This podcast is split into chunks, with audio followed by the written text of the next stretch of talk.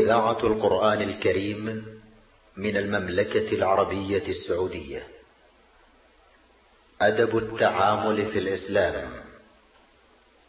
برنامج أسبوعي من إعداد وتقديم الشيخ محمد بن إبراهيم الحمد. البرنامج من تنفيذ عبد الكريم بن أحمد المجحد. بسم الله الرحمن الرحيم.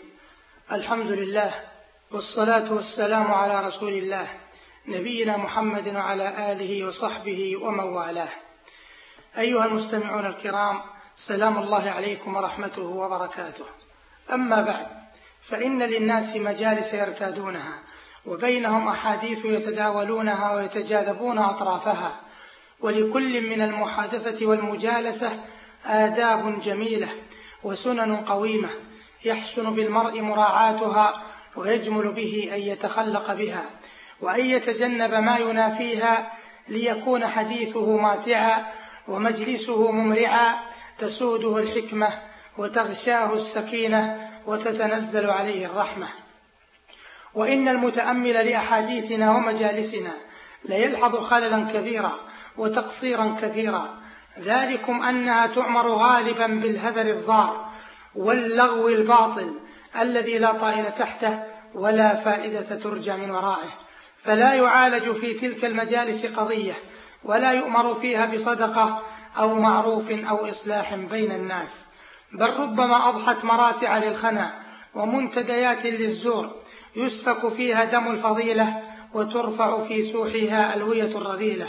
فلا غرو أن صارت وبالا على أهليها وحسرة على مرتاديها حيث فقدوا بركاتها وحرموا خيراتها فلا يجد المرء فيها أنسة ولا من يقدر كرامته وإنسانيته. بل ربما وجد الإهانة والإساءة من جلاسه. فما أحرانا معاشر المسلمين أن تكون أحاديثنا ومجالسنا عامرة بالجد والحكمة. حافلة بما يعود علينا بالفائدة والمتعة بعيدة عما ينافي الأدب والمروءة. وإن مما يعين على ذلك أن تلقى الأضواء على ما يدور في مجالسنا وأحاديثنا كي تتلافى الأخطاء ويسعى في علاجها. معاشر المستمعين الحديث في هذه الحلقة سيدور حول بعض الأخطاء في أدب المحادثة. فمن تلك الأخطاء الثرثرة وهي كثرة الكلام بلا فائدة والثرثار هو كثير الكلام تكلفا. فتجد من الناس من هو ثرثارة مهذار يتكلم في كل باب ويتولج كل مضيق. فإذا حضر مجلسا ما ملأه بكثرة الضجيج وأشغله بفضول الكلام. فالثرثرة مظهر من مظاهر سوء الخلق وهي دليل على نقص العقل ورقة الدين. قال النبي صلى الله عليه وسلم إن من أحبكم إلي وأقربكم مني في الآخرة أحاسنكم أخلاقا. وإن أبغضكم إلي وأبعدكم مني في الآخرة أسوأكم أخلاقا.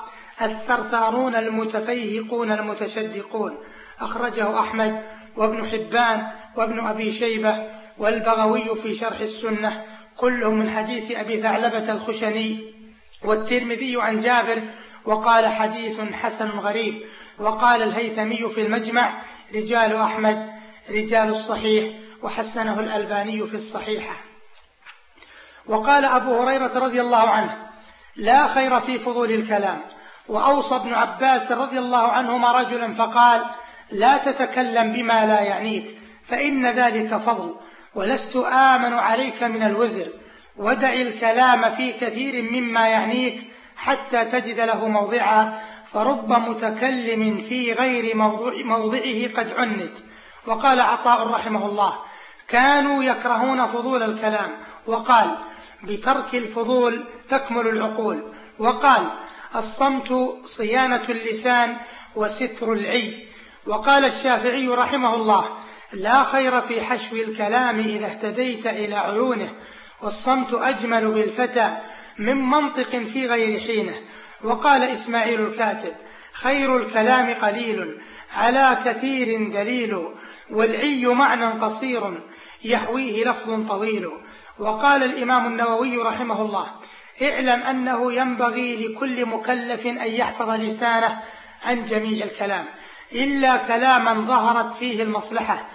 ومتى استوى الكلام المباح وتركه في المصلحة فالسنة الإمساك عنه لأنه قد يجر الكلام المباح إلى حرام أو مكروه وذلك كثير في العادة والسلامة لا يعدلها شيء. وقال القاسمي رحمه الله إياك وفضول الكلام فإنه يظهر من عيوبك ما بطن ويحرك من عدوك ما سكن فكلام الإنسان بيان فضله وترجمان عقله فاقصره على الجميل واقتصر منه على القليل. ولئن كان لزوم الصمت وترك الحديث فيما لا يعني مستحسنا مطلوبا من كل أحد فلهو ممن يأنس من نفسه الجهل وكثرة الزلل والخطأ أولى وأولى. قال علي بن عبد الرحمن ابن هذيل من الواجب على من عري من الأدب وتخلى عن المعرفة والفهم ولم يتحل بالعلم أن يلزم الصمت ويأخذ نفسه به. فإن ذلك حظ كبير من الأدب ونصيب وافر من التوفيق لأنه يأمن من الغلط ويعتصم من دواعي السقط. فالأدب رأس كل حكمة والصمت جماع الحكم. قال الشاعر وفي الصمت ستر للعيي وإنما صحيفة لب المرء أن يتكلم معاشر المستمعين. ومن الأخطاء في هذا الباب الاستئثار بالحديث. فهناك من يثرثر في حديثه ولكنه يعطي غيره فرصة كي يتحدث. والثرثرة قبيحة كما مر وأقبح منها أن يستأثر المرء بالحديث فلا يعطي غيره فرصة لأن ينبس ببنت شفه. والأثرة بالحديث آفة قبيحة يغفل عنها كثير من المتحدثين لظنهم أن سكوت من أمامهم إنما هو إعجاب بكلامهم. وموافقة لهم على الإطالة فيحسن بالمتحدث تجنب الاستئثار بالحديث وألا يعيب على غيره ذلك ويبيحه لنفسه.